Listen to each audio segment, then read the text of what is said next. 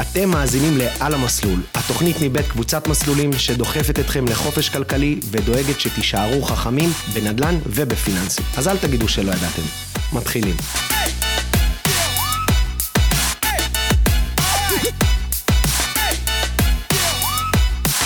ברוכים הבאים לפודקאסט על המסלול, היום אנחנו הולכים לדבר על אה, נתוני אשראי, מה הדבר הזה בכלל אומר, איפה החוק התחיל אי שם באפריל 2019, בעצם דיברו על כל עולם נתוני האשראי, איך בעצם הולכים לאסוף את המידע על כל אזרח במדינת ישראל, ולהנגיש אותו לגופי המימון. מפה לשם תכלס המחוקק רצה שהדברים יעבדו בצורה שהיא קצת שונה ממה שיש היום, יותר להטיב עם הלקוח, בעצם לשקף את המידע לגופי המימון במטרה להשוות את ההצעות, הריביות, שבאמת יתחרו על לקוחות, בפועל קורה משהו שהוא קצת הפוך. בתכלס, מה שאני רוצה לדבר עכשיו זה על מה זה הדבר הזה בכלל. תיכנס לאתר בנק ישראל, אתה לא תבין כלום, לא מנגישים את המידע, לא מספרים על זה, לא אומרים מה זה, למה הדבר הזה, ובתכלס זה אולי הדבר הכי חשוב היום שיש לבן אדם שרוצה לעבוד עם בנקים, זה ההיסטוריה הפיננסית שלו. וזה בעצם תעודת זהות, ממש הדבר הזה פשוט מפשיט אותך מכף רגל עד ראש, ובדוח הזה בעצם יודעים כל מה שיש עליך. וזה משפיע בצורה ישירה על איכות החיים שלך ברמה הפיננסית, תקבל הלוואות, לא תקבל הלוואות, מימון, בנקים יאהבו אותך, לא יאהבו אותך, זה הכל שם.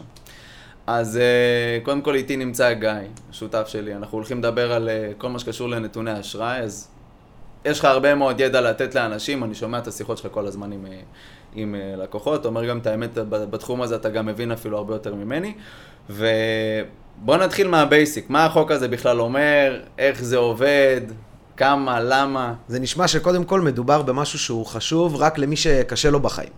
אבל בפועל זה משפיע על כל אחד ואחד מאיתנו, גם אנשים, ממש שיחה של אתמול עם לקוח שיש לו מספר נכסים, לקוח חזק מאוד, פשוט לא מבין את המושג הזה, מה זה? למ, למה יש לי בעיות עם זה? ופה אנחנו רוצים לדבר על האירוע הזה, שכולם, כולם יבינו אה, מה החשיבות. אז בהתחלה, אם, אם נלך רגע בהיסטוריה אחורה, בשנת 2016 יצא חוק שנקרא חוק נתוני אשראי.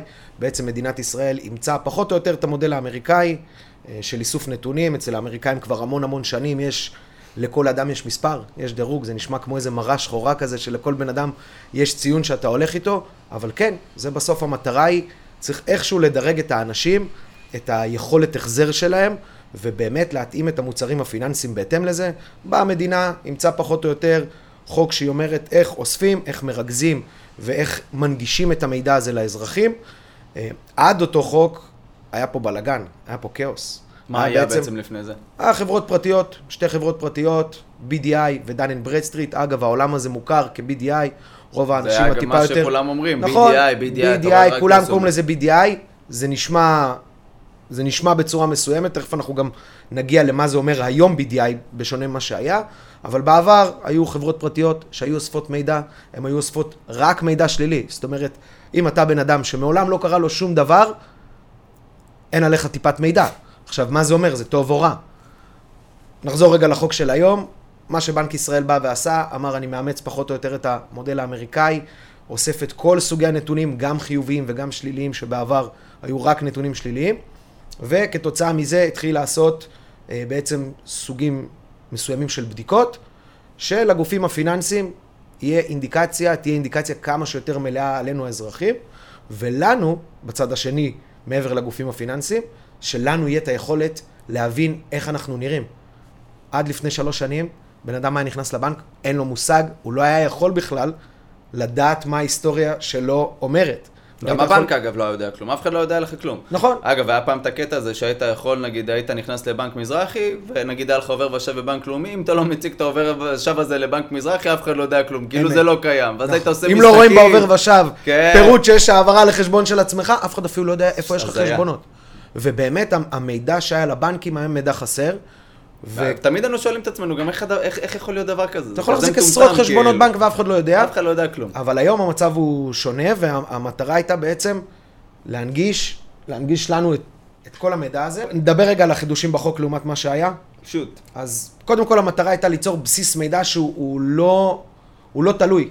היום, אם בעבר הגופים הפיננסיים היו מזרימים את המידע ישירות לחברות ה-BDI, ל Dun Bradstreet, שזה היו חברות פרטיות, היום כל המידע שלנו מרוכז ועובר ישירות לבנק ישראל. בעצם כל הגופים, הרשויות, הבנקים, כל מידע, כל פעילות, אגב, כל בקשה אפילו. זאת אומרת, לא רק האם אני מחזיק בהלוואה, האם ביקשתי הלוואה, היום כל המידע הפיננסי הזה מוזרם בעצם לתוך דוח אחד, שנקרא דוח... זה בעצם כל המידע עובר לבנק ישראל, ואז בנק ישראל, מה עושה עם זה הלאה? מה שהוא עושה הוא בעצם ממנו מושכות לשכות האשראי, יש בעצם... שזה BDI ו Dun Bradstreet. בדיוק. הם זה... בעצם הפכו להיות האוטוריטה הם ה middleman. ש... הם ה middleman שאמור... הם לא עושים את המידע כאילו ומוציאים את זה לדוח. הם אמורים לעבד את המידע הגולמי שיש בבנק ישראל. בסוף המידע שם הוא מידע אינסופי. יש אנשים שיש להם דוחות שמגיעים לעשרות עמודים, ובינינו מדובר בסינית. אם אתה לא יודע בדיוק איך לקרוא את הדוח הזה, מה, מה, גם מה בבנק יש, לא מה יש בדוח? מה יש בדוח הזה? מה, מה, מה מסתכלים בדוח הזה? מה רואים? רואים עכשיו לצורך העניין, אה, לא יודע מה, רואים דברים מעבר לים, רואים דברים רק בארץ, רואים חשבונות בנק, רואים מה? אז. קודם כל המערכת היא מערכת ישראלית, זאת אומרת אין שום מידע חיצוני, גם יש לך חשבונות בחו"ל, אף אחד לא יכול לדעת מזה. נתחיל מרגע, העמוד הראשון זה התמצית. העמוד הראשון הוא, הוא תכלס, הכי פשוט ללקוח לקרוא. הוא אומר, איפה יש לך חשבונות, איפה יש לך הלוואות, אם יש לך משכנתאות, כרטיסי אשראי, ואם יש לך בעיות שהן בעיות אקוטיות.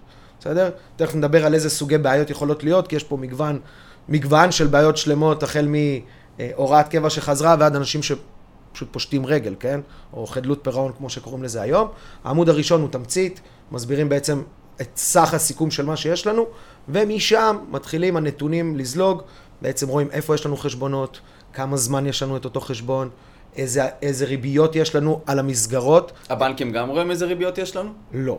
תכף נדבר על מה הבנק רואה, אוקיי. כי בסוף המידע... כי בתכל'ס זה דפוק, אם הבנק ידע איזה ריבית יש לי.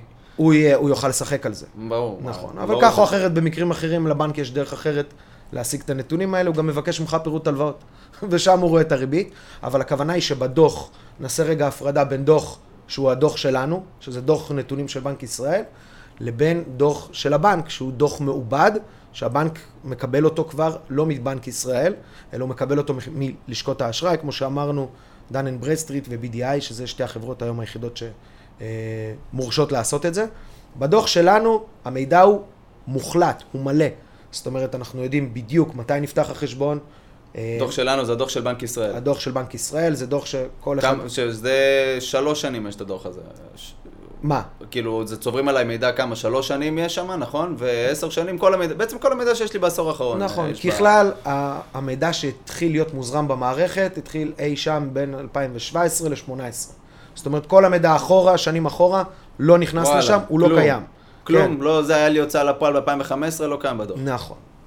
היום הדוחות שאני כאזרח יכול להוציא לעצמי, זה דוח לשלוש שנים, לחמש שנים ולעשר שנים. המידע מפה ואילך ייצבר לעשרות שנים, אבל היום אם אני אוציא לעצמי דוח של חמש שנים, יכול להיות שלא יהיה בו איך אני מוציא אותו בכלל, אגב. סתם כאילו... אתר של בנק ישראל, היום אגב כל השירותים הממשלתיים, כמעט כולם, נכנסו, לכל אחד מאיתנו יש אזור הזדהות ממשלתית, אתה יכול להיכנס, להירשם, תעודת זהות, אה, ולהוציא את הדוח הזה, פעם אחת בשנה מגיע לך את הדוח הזה בחינם, וואלה. מעבר לזה הוא עולה 31 שקלים, אתה יכול להוציא אותו בכל מיני פורמטים, בין אם זה PDF, אתה יכול להוציא אותו באקסל, ויותר מזה גם המטרה הייתה, שזה עוד חוק אחר שאנחנו לא נדבר עליו היום, אבל אה, זה כל נושא הפינטק.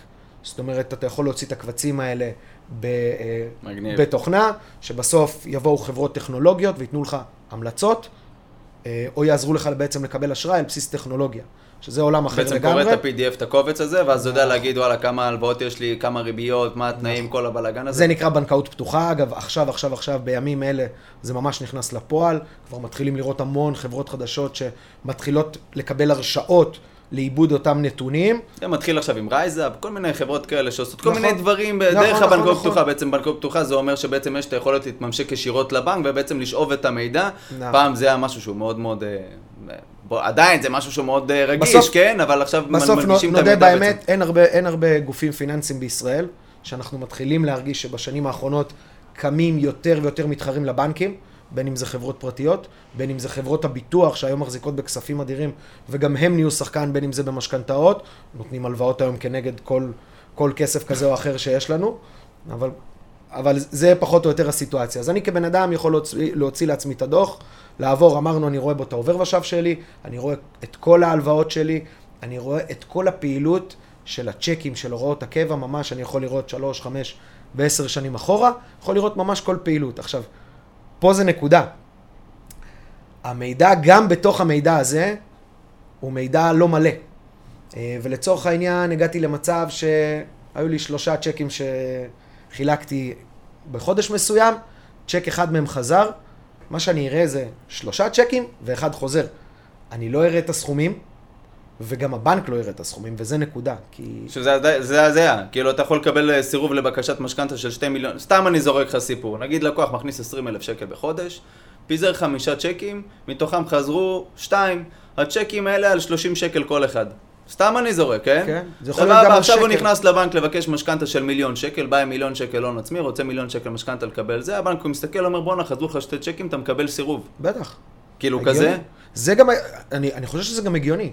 בסוף זה לא משנה אם אני מסתכל כגוף פיננסי או כמערכת. אמ, זה לא משנה אם חזרו לי עשרה שקלים או מאה אלף שקל, משנה, מה? זה, לא, יש לזה משמעות. נכון, יש לזה משמעות. בעבר, אגב, היו, היו יודעים שחזרו לך שלושה, ארבעה, חמישה צ'קים. אבל אם התקבלו 100 צ'קים, כן התקבלו.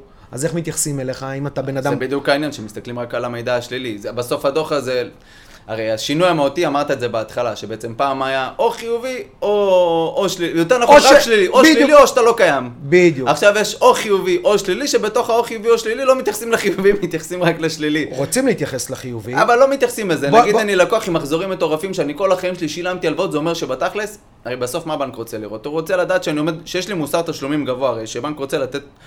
בתכלס אנחנו נפגוש את זה, את הדוח הזה, שנצטרך את הבנק. זאת האמת, נצטרך הלוואה, נצטרך משכנתה, שם נפגוש. אם אני בן אדם שבחיים לא לוקח הלוואה, ולא קונה רכב, ויש לי 20 מיליון שקל בראש, ולא יודע מה, ולא יודע מה, לא מעניין אותי התנאים שלי, ולא מעניין אותי העמלות שלי, ואני לא מתנהל בבנקים, ואני רק בבנק הדואר, אז כנראה שאני לא אפגוש את יותר, את הדוח הזה יותר בחיים, הסבירות לזה היא כמעט אפסית. כן, מה לעשות, אתה צריך היום את הבנק. נכון. בוא נגיד ככה, שקודם כל החוק עצמו, הוא עדיין לא, הוא לא חף מטעויות. בסדר? הכיוון שלו הוא נכון. עדיין גם בנק ישראל בעצמו אומר, היום בן אדם שנולד, תכף אנחנו נגיע גם לעולם הבדיקות עצמם, איזה בדיקות עושים עלינו הגופים, אבל כמו שאמרנו, לכל אחד יש מאיתנו מספר, בין 0 זה ל-1000, דירוג אשראי בכלל, זה שזה לא קשור דירוג, ל... תכף, זה- כאילו זה יש מה שנקרא את הדוח, אותו עיבוד של הנתונים, אבל אני חוזר רגע לנקודה כי שעוד זה לא... מבלבל רצח. אם אני נכון. עכשיו נגיד מאזין, אני הולך לאיבוד. יש את הדוח. יש את איך הדוח. זה מתחיל? יש את הדוח. כן, יש את הדוח שהוא דוח של בנק ישראל, זה דוח שהבנקים עצמם לא רואים, זה דוח שהוא נועד לי. אוקיי, אני יכול להצמיד את הדוח? ולראות מה דווח עליי, לעשות גם עם עצמי התאמה, לראות אם הדוח הזה נכון או לא נכון, שאגב גם הרבה פעמים יש... דיווחים שהם טעויות. בטח. יש טעויות בדיווחים, בין אם זה צ'קים שכן הבנק חזרו רק או לא החזיר לי חזרו. בלי סיבה, נכון, ולא שאלה, וסתם דיווחו על זה. זה יכול להיות. גם לפעמים צ'ק טכני, זה יכול להיות גם דיווח שהוא אה, דיווח עבר שממשיך להיות מדווח עליך כאילו היום יש לך פיגור.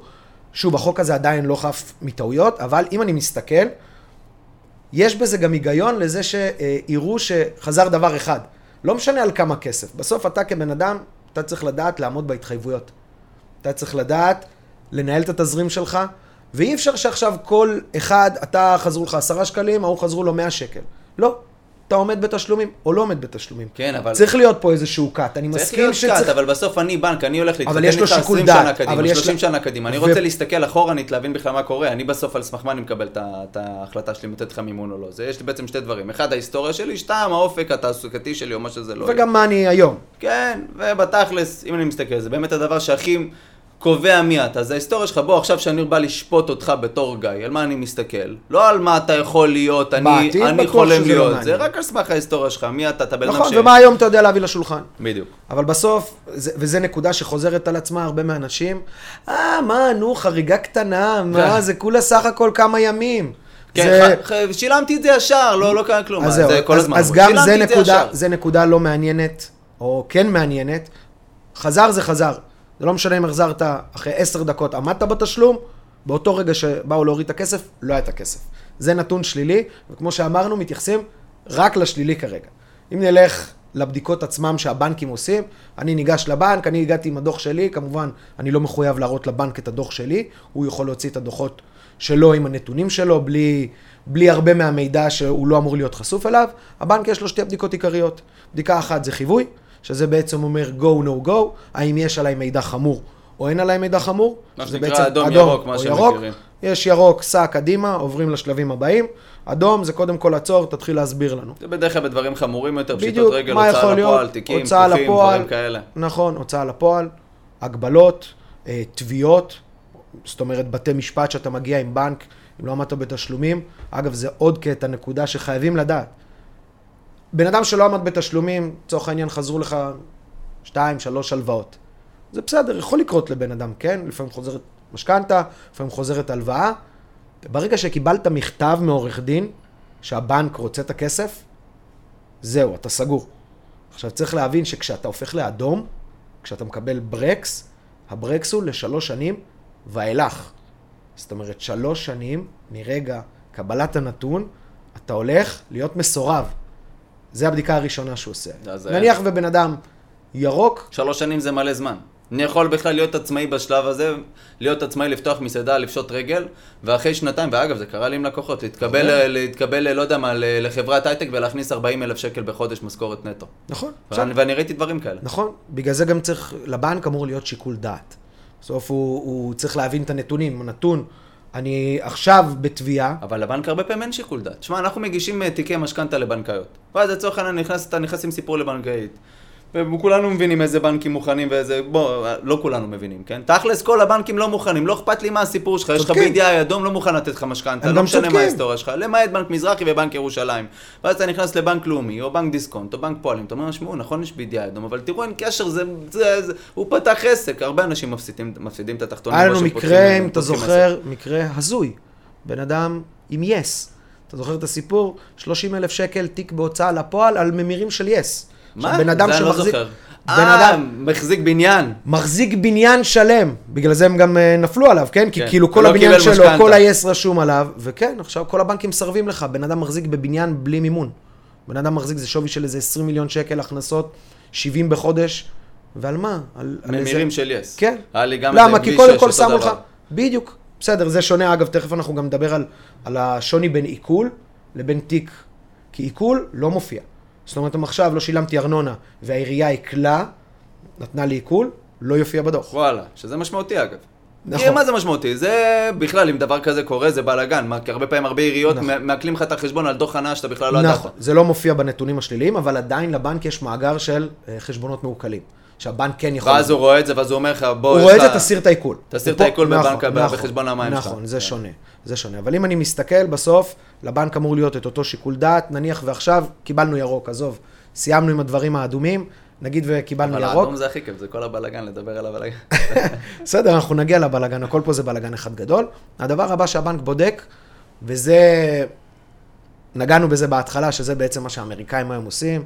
בחורה בארצות הברית היום, שהיא רוצה לצאת עם גבר, היא קודם כל שואלת אותו, מה הקרדיט סקור שלך? כמה הדירוג שלך?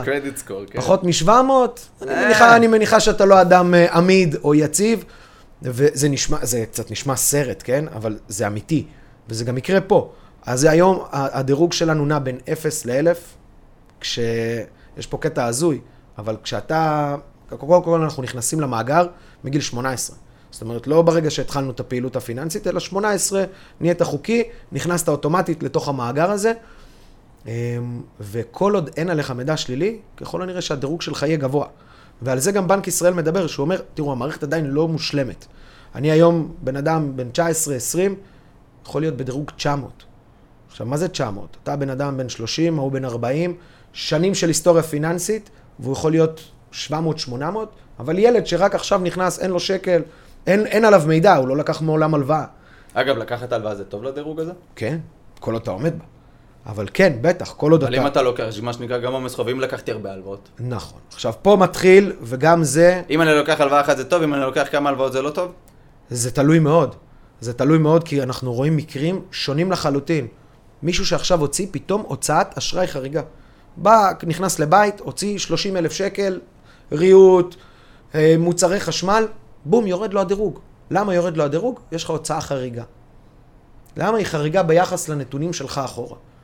ואז זה פוגע בדירוג? כן. רגע, אז זה לא דיברנו. בעצם דיברנו על דוח נתוני אשראי, נכון? דיברנו על BDI שזה אדום ירוק, ועכשיו נכנסים לדירוג, שזה מה שרואים הרבה קפטן קרדיט, והציון שלך נכון. ומה הדירוג שלך, שזה הזה. נכון. זה בעצם השלב השלישי. שבתא שאני בא לקבל הלוואה, או שאני רוצה לקבל מימון, מדברים איתך על הדירוג שלך, שהדירוג נכון. הזה נע בין אפס לאלף. 0 ל-1000. נכון. שמתחת לכמה זה גרוע? פחות מ-600 אתה, אתה לא שחקן במערכת. פחות מ-600? כן. וואו. גם ב-600 עוד יעשו לך, ישאלו אותך שאלות. פחות מ-600 זה בעייתי. אני מכיר מה, אני ראיתי דירוגים עכשיו, 150. 300, 400, 200, כן. זה בדרך כלל במצבים חמורים. ואיך אני שומר על הדירוג הזה? קודם כל, התנהלות. הכל מתחיל שם. כל עוד אין מידע אה, קיצוני יחסית, כל עוד לא התחילו לחזור דברים, גם אם עכשיו הייתה לך איזושהי אה, הוצאה כבדה, או פתאום לקחת כמה הלוואות, הדירוג שלך לא אמור לרדת מתחת ל-600, כל עוד אתה בן אדם תקין. אה, הנתונים החמורים, שזה החזרים של הוראות קבע, הצ'קים, האי עמידה במסגרת עצמה, זה דברים שמעט לאט... חריגה במסגרת? כן. נגיד, סתם דוגמה, אני, ואנחנו רואים את זה גם כן, זה גם נתון מעניין. נגיד, אני חי על המסגרת, יש לי מסגרת 15-20 אלף שקל, וכל חודש אני מקבל את המשכורת שלי ב-11 לחודש ולא ב-10 לחודש. כאילו, יש לי יום אחד של חריגה ממסגרת, הדבר הזה יכול לקפוץ? קודם כל, כן, זה תלוי מאוד גם בבנק שלך. יש בנק, וראינו מקרה של לקוח, וואי, איזה קטע מטורף, מנהל שני חשבונות, בסדר? בשני החשבונות הוא על הקשקש. בנק אחד מחזיר לך, לא מחזיר לך, הוא רושם לך שיש לך חריגה, ואז אתה רואה את זה גם בעובר ושב. אתה גם, אגב, אתה, על כל חריגה אתה משלם עוד כסף, כן? אם עכשיו חזר לך צ'ק, אתה משלם 60 שקל. וואו. אם יש לך חריגה, אתה משלם עוד חמישה שקלים רק על זה שחרגת. אבל זה... אני חורג, אז מה, תיקחו ממני עוד?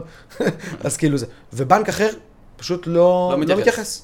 הוא נותן לו, הוא מבין שהלקוח נע. נע בתוך המסגרת וחורג ממנה, אבל הוא יודע שהוא יכניס כסף. או לחלופין שיש לו פקדונות, ואז הבנק יכול לשחרר קצת כספים. עכשיו, פה באמת בא שיקול הדעת של הבנק, ורוב האנשים, או לפחות חלק גדול מהם, אמ, תולה את התקוות שלו בבנק, ופה מתחילה הטעות. הוא סומך על הבנקאי שיטפל בזה. הוא סומך על הבנקאי שיודיע לו כשהוא חורג. דודה שלי רותי. עכשיו, לאותו בנקאי יש אלף יש כמוך. עם כל הכבוד, יש לך אלף כמוך. והיא גם לא קובעת כלום, בסוף יש לה מנהל שבודק אותה. ו... נכון. עכשיו, אם חרגת בשקל בדקה, יש בנק שפשוט יחזיר וייתן לך נתון שלילי ויפגע לך בדירוג, יפגע לך, אגב, עוד עולם שאנחנו, אני לא יודע אם נספיק לדבר עליו, אבל יש דירוג פנימי. כרגע כל מה שאנחנו מדברים עליו, לדירוג חיצוני. זו אותה המערכת של המדינה, של הממשלה, של בנק ישראל, שהיא מערכת חיצונית, זה מאגר בלתי תלוי. אבל גם לכל בנק יש את הדירוג הפנימי שלו, יש כאלה שמדרגים אותך מ-1 עד 10. ונגיד אני לקוח עובר ושב בבנק מסוים, ואז הבנק בעצם צובר עליי מידע. נכון. ואז זה לא משנה תכלס מה רשום בדוח, הבנק כבר יודע כל מה שהוא צריך עליי. אם אני נכון. לקוח של כמה שנים, הוא יודע בדיוק איך אני מתנהל, טוב, לא טוב, אתן לך דוגמה מסוימת. היום, הכלל הרווח זה שכשאני ניגש לבנק חדש, מה שהוא מסתכל זה שלוש שנים אחרונות. זה מה שמעניין. הדוח נתוני אשראי. מה שהיה לפני עשר שנים, בתכלס לא כזה רלוונטי. צריך למצוא איפשהו את מידת האמת, אבל בוא נגיד ששלוש שנים... גם שלוש שנים זה מלא זמן, אבל בסדר, לדעתי. אני לא חושב. בן אדם שלפני שנתיים וחצי חזר לו צ'ק, מה זה אומר עליי? לא אומר עליי כלום. יופי, אבל אם חזר לך עוד אחד, ואם חזרו לך שבעה צ'קים לפני איזה, אני רוצה לדעת למה. עכשיו, אם יש לך הסבר טוב, סבבה. אבל אם אין לך הסבר, אם זה היה, אה, אני זה... אז יופי, ככה אתה תתייחס להלוואה שאני אתן לך, אז אני אתן לך עכשיו מיליון שקל. אגב, זה נקודה נגיד שאנשים הרבה פעמים מפספסים. בסוף בנק רוצה דבר ראשון מה? שאם נתתי לך שקל, תחזיר לי את השקל הזה.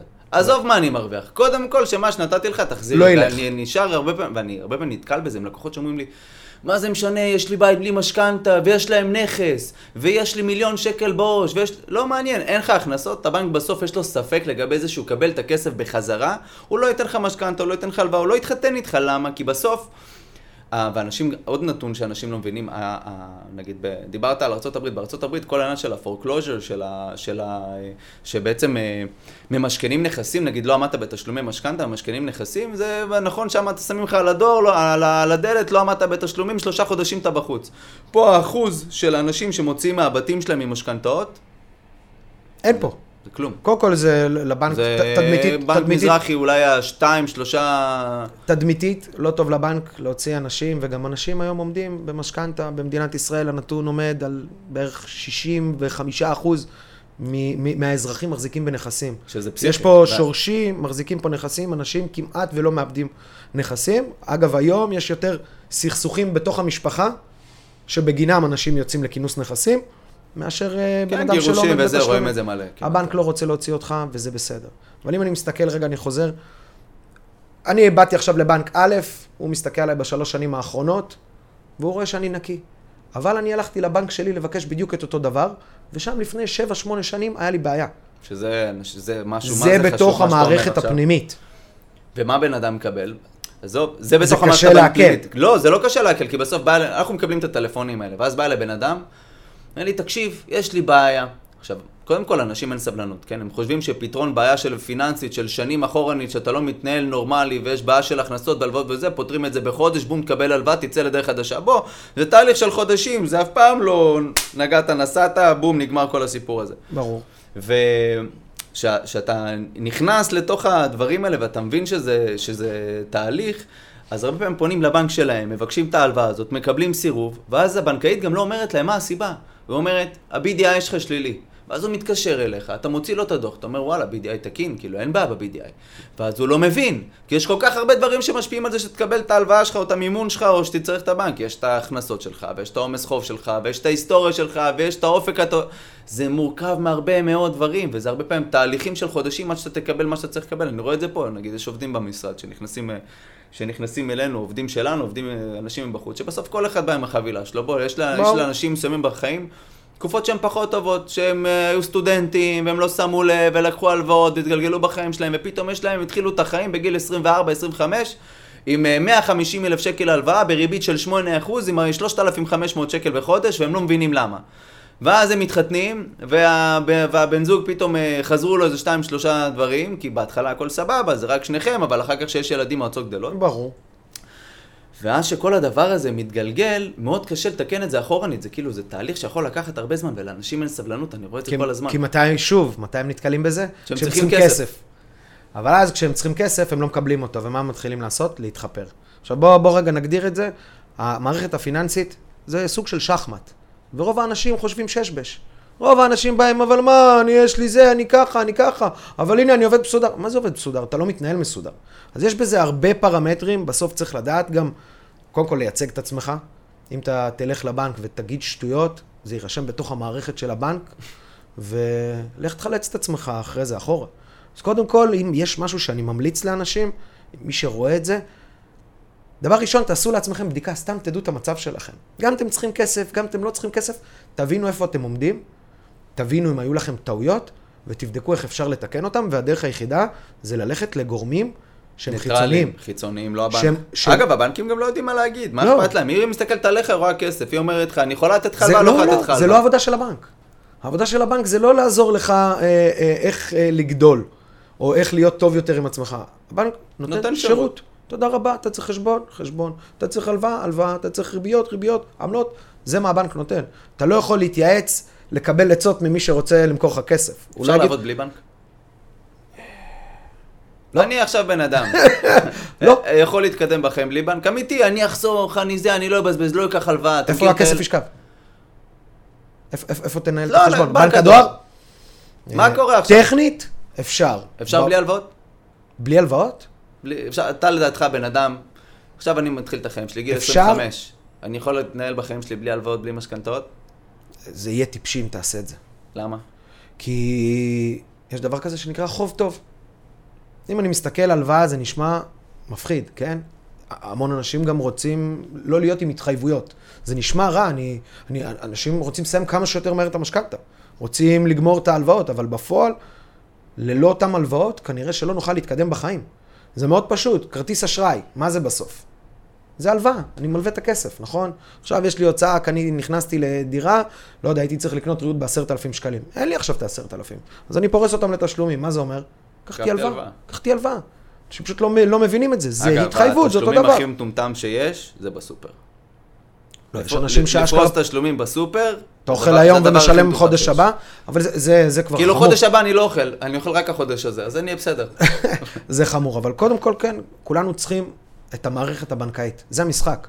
ככה זה עובד. היום השפה היא כסף, ואנחנו צריכים לדעת לשחק... מינוף. מינוף. לדעת לשחק ולנתב את הכסף הזה לצרכים שלנו. אם לא היה את עולם האשראי, לא היה אף עסק. תראה לי עסק שיכול לגדול בלי, בלי, בלי לקחת הלוואות, בלי לגדול. אין, אין, אין חיה כזו. אז כולנו צריכים את המערכת, כולנו צריכים לדעת איך לשחק איתה, והכי חשוב זה להבין שהשלילי פה הוא החמור. זאת אומרת, אתה יכול להיות בסדר פעם אחת. עשית פדיחה? שוב, פעם אחת גם, תלוי איזה רמת פדיחה. תלוי איזה רמת פדיחה. יכול להיות שבאמת יש לך תביעה אישית עם בן אדם והוא פתח תיק הוצאה לפועל. זה לא אומר שאתה... לא מתנהל. זה לא אומר שאתה גמור. אתה יכול להיות אדום, אבל עם הסבר נכון אתה תקבל. וזה קורה. יש אנשים גם שכן, הגיעו לחדלות פירעון, כן. היו ערבים, אני מכיר עכשיו, מטפל במקרה, שמישהי הייתה ערבה לחובות של בעלה שנפטר. היא הייתה פשוט חתומה, היא מעולם לא הייתה בבנק, היא מעולם לא חתמה על שום הלוואה, הייתה ערבה ל-600 אלף שקל. הוא לא עמד בהתחייבויות, הכל, כל אבל החוב הוא עבר מת. אליה. אחרי זה הוא מה, אם הוא מת, אי אפשר להגיע, זה החוב שלו. עבר אליה, באמת? ערבה. מה, אבל הוא מת. אגב, עוד נתון... לדעתי, בית משפט לא הד- תופס. מה אתה אומר? אז אני אומר לך שעכשיו אנחנו בדיוק בדיונים ב- ב- בסוגיה הזו, כן, אתה גם יכול לקבל. אנשים לא מבינים. פעם היית יכול להחתים כל בן אדם ברחוב על ערבות. היית יכול לבוא למישהו שאתה לא מכיר, בא, חותם לך ערבות, מחר בבוקר לא עמדת, באים אליו. היום ערב חייב להיות קרבה ראשונה, אבא, אמא, אח, אחות, ילדים, וזה בדיוק כמו לווה. הרבה פעמים אנשים, כן, אני ערב, לא, הוא, הוא לא עמד בתשלומים. זה אתה לא עמדת בתשלומים. כשאתה חותם למישהו ערבות, אתה הלווה. זה שאתה רשום בסעיף ערבות, זה לא משנה. זה לא משנה. כי כשיהיה בעיה בא- באות, באותה הלוואה, באותה התחייבות, אתה, לך זה יופיע בדוח. אז רגע, זה יעיד עליך. אז, אז יש פה עכשיו משהו. עכשיו, נגיד אם אני רוצה לצאת באיזושהי אמירה אחת לפני הסוף. אני נגיד עכשיו עשיתי טעויות. יש לי BDI שלילי, אוקיי? מה אני יכול לעשות? לא BDI, דוח נתוני האשראי שלי שלילי, אם אתה לא אוהב שאני אומר BDI. נכון.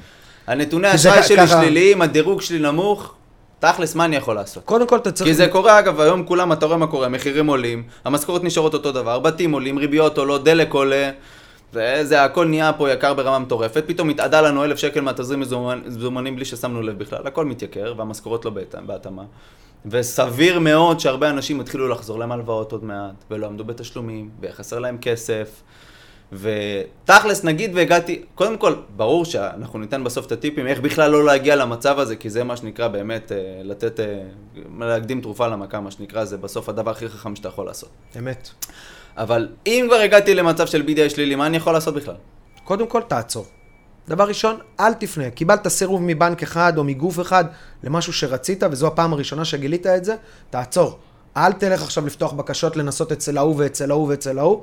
כי אתה נשרף בכל המקומות. נכון, ברגע שאתה... כמו רכב שמתחפר בחול, אתה לוחץ על הגז, תשחרר את. הגז, אתה צריך תעצור, ללכת אחורנית. בדיוק, אם לא, אתה תעצור, מתחפר. תבדוק קודם כל, לך, לך למישהו חיצוני, יועצים, לא חסר היום יועצים בתחום הזה.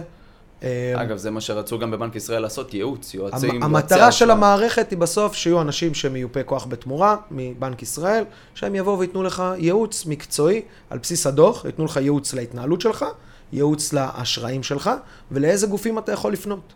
ולאט לאט הדבר הזה תופס תאוצה, כן, שוב, אנחנו רק, רק. באמצע השנה השלישית של המערכת. אני מאמין שתוך חמש-שש שנים מהיום, זאת תהיה השפה הרווחת. הדירוג באמת יהיה מדויק, הוא יהיה מאוד קרוב. וככל שאנחנו נקדים היום להבין את זה ולהתנהל טוב יותר, זה פשוט יהיה לנו, יהיה לנו בצורה משמעותית הרבה יותר נוח. עכשיו, טוב, אוקיי, סבבה. אז עכשיו אני, בוא נגיד, אני עכשיו בחור צעיר בתחילת החיים שלי, ובשלב כזה או אחר אני מבין שאני אצטרך בנק, כי אמרנו שאנחנו נהיה חייבים את הבנק אם נרצה או לא נרצה, להלוואה, למשכנתה, לרכב, לעסק, ל- להלוואה לסטודנטים, אנחנו בסוף נצטרך את הבנק, לעמלות. חייבים. מה הדברים הכי חשובים שאני צריך לשים עליהם לב, שאתה רואה שאנשים מחטיאים, שיש שם פאולים, שאנשים עושים שם פאולים בלי לשים לב, שאתה אומר, כאילו, זה כל כך מטומטם, כאילו, זה, זה שטויות. אז אחד הדברים הכי בסיסיים, נתחיל מזה שהרי אמרנו, כל אחד בסוף צריך לפתוח חשבון. נהיית חייל, לאיפה אתה מפקיד את המשכורת? זה השלב הראשון, אתה צריך להפקיד לאיפשהו, נכון? עכשיו, כשאתה נכנס לבנק ופותח חשבון חדש, אתה גם מגדיר מסגרת. אגב, אנחנו אחת המדינות, לדעתי היום היחידה בעולם, שיש לה מסגרת מינוס. סע לארצות הברית, לאנגליה, לצרפת, אין דבר כזה להיכנס למינוס. אין. אין, אין. אז המוח הישראלי החכם אמר, אוקיי, אני סיימתי לתת לו הלוואות, אני לא יכול לתת לו עוד הלוואות. איך אני נותן לו הלוואה מהצד השני? אני לא נותן לו הלוואה קדימה, אני נותן לו הלוואה אחורה. אני מלווה לו. מכסף שאין לו. וככל שהזמן עובר, אז הוא חייב לי יותר בתוך אותה מסגרת. אגב, המינוס זה ריבית מטורפת, אנשים לא מבינים, זה ריבית של 10-11 שוק אפור. היא כמו שוק אפור, בגדול. אנשים משהו. אומרים, אני בתוך המינוס, לא מבינים שזה עולה הרבה כסף, המינוס זה כמו הלוואה. בטח. זה הלוואה, זה לא כמו. תסתכלו, מי שנמצא במינוס, פעם ברבעון אתה מקבל בום. 400, 500 300, שקל. 400, 500, אם יש לך מינוס של 20 ויש לך 10 אחוז, אתה יכול לקבל גם יותר. סכומים הרבה יותר גבוהים, הכל תלוי. אה, אז דבר ראשון, קודם כל, אם אין לך מסגרת, שזה עצוב, אם המסגרת שלך אפס, אז מחר בבוקר גם חזר לך שקל, לבנק אין שיקול דעת. זאת אומרת... זה הכל אוטומטי, זה מחשבים. לא, זה יהיה אוטומטי. אם יש לך מסגרת של אלף שקל, אז יש לבנק שיקול דעת.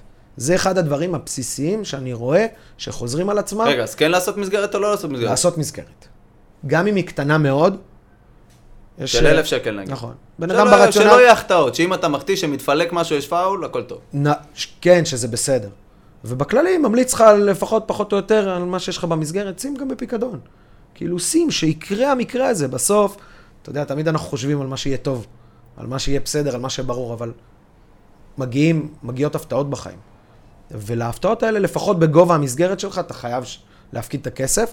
אם אני רואה שאנשים, מאוד פשוט אם אתה, תהיה לך מסגרת של 30 או של 10, אתה פשוט תגיע לקצה של המסגרת. זה נכון. אז אל תשים 30, מה אנשים שמים מסגרות מטורפות, 40-50 אלף, כי זה אתה מתחפר בתוך אותה מסגרת. הריביות, גם ככל שהמסגרת יותר עמוקה, אז, אז הריבית יותר גבוהה על כל כן, מדרגת... ואז יש את הטריק הקבוע, בוא תיקח הלוואה בשביל לסגור את המינוס, ואז אתה עוד פעם במינוס. יפה. אז זה אוקיי, סבבה. זה מסגרת הדבר בסיסית. הראשון, מסגרת השני? הבסיסית. הדבר השני, ניהול תזרים אישי. זה אולי הדבר הכי מעצבן שיכול להיות, אבל זה הדבר הכי חשוב לבן אדם. אגב, משק אף- בית הוא עסק. אנשים לא מבינים שמשק בית הוא עסק, צריך להתנהל כמו גם עסק. לא משק בית, גם אדם פרטי. צריך להתנהל אנחנו כמו תמיד עסק. מדברים על משפחה, כי אין מה לעשות, בסוף אתה מסתכל על העתיד כעתיד משפחתי, אבל גם בן אדם בודד צריך לנהל את התזרים שלו כמו בפלס. מזה הכל מתחיל, אנשים היום קודם כל מפחדים להיכנס לאפליקציה. מפחדים לראות על מה היה להם הוצאות. ואז אם נכנסים זה פתאום... מה זה נכון, אגב, מה שאתה אומר עכשיו. מפחדים. מעדיפים לא להיכנס. אני, אני לא צוחק, אני... כל היום מה שאני רואה זה עובר ושב, עובר ושב, עובר ושב. אנשים לא יודעים מה יש להם בעובר ושב. אין להם מושג. לא מבינים, לא את כמות הפעולות, לא את מהות הפעולות. אה, אתה יודע, פתאום אתה אומר להם, מה, מה זה, יש לך, אתה מכניס עשר, אבל מוריד באשראי שמונה. אה, אה, איפה כאילו, וזה לפני הוצאות. שמונה? מה, גנבו לי בכרטיס אשראי? ואז אתה אומר לו, אז בוא נוציא רגע את הפירוט. מוציא את הפירוט, אה, זה אני? וואלה, גם זה אני. גם זה אני. אה, כן. אה, כן, זה היה סל. בזארה, כן. נכון, ואז אני זה. זה דן אילת עם הילדים. אני מסתכל, אז אמרנו, לנהל את התזרים. מה זה אומר? זה תקציב, אני יודע כמה הולך להיכנס, ואני יודע כמה הולך לצאת כל חודש. אני קודם כל צריך לנתח את זה שנה אחורה. מי שעדיין לא עשה את זה ומעולם לא מנהל תקציב, קודם כל, יש היום אפליקציות שעושות את זה, כן? שאומרות לך מה התזרים שלך היה עד היום, ואיך פחות לא או עשו לך יותר... את המידע, מנגישות לך את זה חכם יותר. אני אוהב את זה ומאוד לא אוהב את זה. למה? אני אוהב את זה כי, תודה לטכנולוגיה שיכולה להנגיש לי דברים, אני לא אוהב את זה כי זה מנוון אותנו. כי אני, כשאני רושם באקסל בעצמי, או על דף, לא מעדיף דף, כי דף, דף נאבד, אקסל, אני מזין בעצמי, יש לזה איזשהו פן פסיכולוגי. זה כמו למשוך מזומן ולשלם במזומן במקום באשראי. כן, אשראי אין לך תחושה. אשראי, תיקח אלף אומר- שקל, יהיה לך קשה מאוד לפזר את זה ככה. ניהול- אבל באשראי אתה לא מרגיש בכלל. לנהל היום גם עם. השעון, אתה שם ככה את השעון והולך, זה בכלל חמור, אני אומר? לך, אני עוד שנייה יעברו ל- חוטא בזה עוד שנייה. יעברו לידך ויקחו לך מהשעון. אני חוטא בזה. מישהו ייתן. לך קטנה, טק טק. אמ, אז אני, ניהול תקציב, ניהול התזרים שלנו. אמרת מסגרת, ניהול תזרים, פאולים כאלה קטנים שאתה רואה שאנשים בדרך כלל חוטאים בהם, אני נגיד יכול להגיד קודם כל לא לפזר צ'קים. הדבר שהכי מוביל לשטויות מכלום זה צ'קים. צ'ק, זה, צ'ק שחוזר זה אגב, זה יותר חמור מ- נכון, מחריגה. בחשבון או הוראת קבע שלא. חזרה. צ'ק שחזר זה מי מאוד שלא חמור. יודע, עשרה צ'קים, אתה קודם כל מוגבל. מוגבל. עשרה צ'קים חזרו. אגב, מה זה אומר מוגבל? מוגבל זה אומר שבפעם הראשונה שזה קרה, שחזרו לך עשרה צ'קים, אתה לא יכול לבצע שום פעולה פיננסית. עשרה צ'קים בפרק ישראל- זמן של כמה? שנה. עשרה צ'קים באותה שנה חזר? 365 ימים זה אומר חזרו שנה, עשרה מה צ'קים. זה אומר?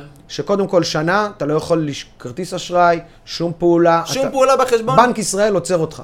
מאותו רגע... רק להכניס כסף, לא להוציא? כן, ומאותו רגע, מרגע שסיימת את ההגבלה, זה שלוש שנים שאתה אדום. בסדר? וואו. שזה מופיע. כאילו זה קרה- ארבע שנים זה מלווה אותי על ארבע, הדבר הזה? בגלל זה אמרתי שזה יותר משלוש. וואו. זו אחת הסיבות. ואם זה קרה ובאותו בנק אגב אני שרוף, לא משנה מה יקרה. כנראה שכן. גם בעוד 20 שנה הם ידעו שהייתי שם מוגבל, נגמר. זה עשרים- בתכלס עשרים אני עדיף. מניח, אבל בוא נגיד שבחמש... עשר שנים. בחמש, שבע, שמונה שנים עשר הקרובות. אתה לא תעניין אותם. אז אתה אומר צ'קים זה הכי חמור להיזהר מאוד צ'קים, מצ'קים. לא להתקרב לדבר הזה. חריגות מהחשבון. אגב, זה משהו שאנחנו רואים הרבה, אנשים שלא מבינים שחריגה מהמסגרת, גם אם זה רק לדקה, זה משמעותי. נכון, זה מה שאני אומר. ואם יש לי הלוואה שיורדת בעשירי לחודש, והמשכורת שנכנסת ב-11 לחודש, זה משמעותי. נכון, אז צריך להבין, זה חלק מניהול תזרים. זה הניהול של התזמון, של ההכנסות וההוצאות. אתה לא יכול להכניס כסף אחרי שהוא היה אמור להיות שם. זה, זה נתון כאילו כזה, כאילו, כמה פעמים שמעתי את המשפט הזה בשבע השנים האחרונות, כאילו, זה חזר בדיוק לדקה, זה חזר, היא התקשרה, ישר הפקדתי כסף. אבל הדבר הזה משנה לך את כל הדירוג, לא את מעניין. כל הציון, זה לא משנה, הסיפורים האלה, זה לא מעניין. אין תוצאות, לא תירוצים, הסברים לא משנים עובדות. עובדה, בסוף, בסוף הדבר חזר, זה עובדה, אין פה, זה... אל תספר סיפורים, וגם אל תהיה במקום הזה של לספר סיפורים. ואם אני עובר לדבר הבא, זה, זה עולם, אותו, אותו עולם של הלוואות. אמרת, מה, אני יכול בלי לקחת הלוואות? לדעתי לא, יש כאלה ששונאים את זה ברמה קיצונית, ואני גם מבין למה. כי זה גם באיזשהו מקום זה קצת מלחיץ. לא לקחת הלוואות לצריכה. לא לקחת הלוואות שהן לא למטרת צמיחה. לא לקחת הלוואה כי אני לא יודע להתנהל נכון, זה מטומטם, כי בסוף זה טלאי למשהו, שהטלאי הזה בסוף מכביד עליך יותר. הלוואה, בסוף אתה צריך להחזיר עוד מעבר להלוואה. אבל אם אתה לא עומד בהחזרים, היום קשה לך להתנהל, מה אתה תיקח עוד הלוואה? מה זה יעזור? אתה פשוט חופר את הבור. לפעמים אתה חופר אותו מהר, לפעמים אתה חופר אותו לאט. וכמו שאמרתי, אנשים לא רוצים להיכנס לחשבון. ואז גם, אתה יודע, הם לוקחים את ההלוואה ומחכים. ואז רגע, או, או הנה אני מתקרב, עוד פעם אני אקח. ועוד פעם. וזה כדור שלג שאין דרך זה לעצור... חיבור את- וחיסור הכי פשוט אגב, מכניס יותר ממה שאתה כאילו, מוציא יותר ממה שאתה מכניס, אתה במצב לא טוב. אם אני, מי, ששומע את זה, יש לכם תקציב, אתם מכניסים עשרת אלפים שקלים, חלקו אותו. 50 אחוז לצריכה, 30 אחוז לרצונות, 20 אחוז לחיים, לעתיד. למה שאתם צריכים בסוף לעשות. אמ, זהו, נראה לי שזה פחות או יותר, משם זה מתחיל. שוב, תיקי הוצאה לפועל, פשיטות רגל, יש דברים מאוד חמורים, אבל אנשים לא יש אמורים... גם פתרונות לדברים האלה. נכון, הדבר יש האחרון פתרונות. שתכלס הייתי- אני רוצה כאילו להגיד, וזה כאילו, זה קצת יוצא, אבל יש את העניין של בסוף גם יש הרבה בעלי עסקים ששומעים, כאילו, שומעים אותנו. ברור. ואני נתקל הרבה בכאלה שעושים עירוב שימושים בחשבונות, ונגיד זה גם כן משהו שמשפיע על הדירוג ודברים כאלה, בסוף זה הכל, הכל ביחד. נגיד כאלה שיש להם, מנהלים גם את החשבון הפרטי וגם את העסקי באותו בנק. אימא'לה. ואז דיברת על הקטע של הפקדונות, חסכונות, חריגה ודברים כאלה, ואני לא יודע מי, מי, בטוח אם יש פה מישהו ש, ש, ששומע ו, ונתקל בזה ומנהל באותו חשבון בנק. אם יש לכם באותו חשבון בנק גם את החשבון הפרטי שלכם וגם את העסקי שלכם, תעשו הפרדה מהר, שתי בנקים נפרדים. למה? באותה שנייה שבנק אחד יהיה במינוס, חשבון אחד יהיה במינוס, הם ייקחו מהחשבון הפרטי לעסקי ויעבירו יכול או לחלופין, בלי לשאול אתכם בכלל.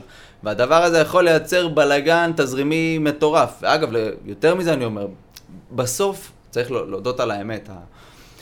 אנחנו ניתקל בדברים האלה לא כשטוב, אלא כשרע. ובסוף הבנק הוא, איך, אומר, איך אמר לי פעם מישהו? בנק נותן לך מטריה כשיש שמש, אבל כשיורד גשם הוא לוקח אותה.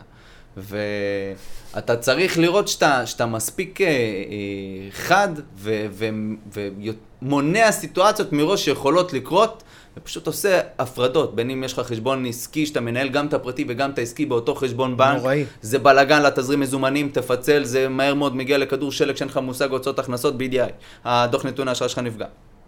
או אם אתה מנהל גם את הפרטי וגם את העסקי בשתי חשבונות נפרדים, אבל באותו בנק תפריד. נכון. כל הדברים הקטנים האלה שאתה שומע, זה התנהלות, זה דברים של התנהלות בסיסית, אבל זה כאילו, זה יכול לשנות לך דרמטית את כל מה שקורה לך במשק בית בתזרים מזומנים. אה, אנחנו יכולים לדבר על זה עוד שעות, כן. נראה לי שיש פה מספיק, מידע, ובטח שנעשה על זה עוד אה, פרקים מעמיקים יותר על כל תחום. כן, אז יאללה. אה, תודה על ההקשבה. תודה לכולם, ויאללה. ביי ביי.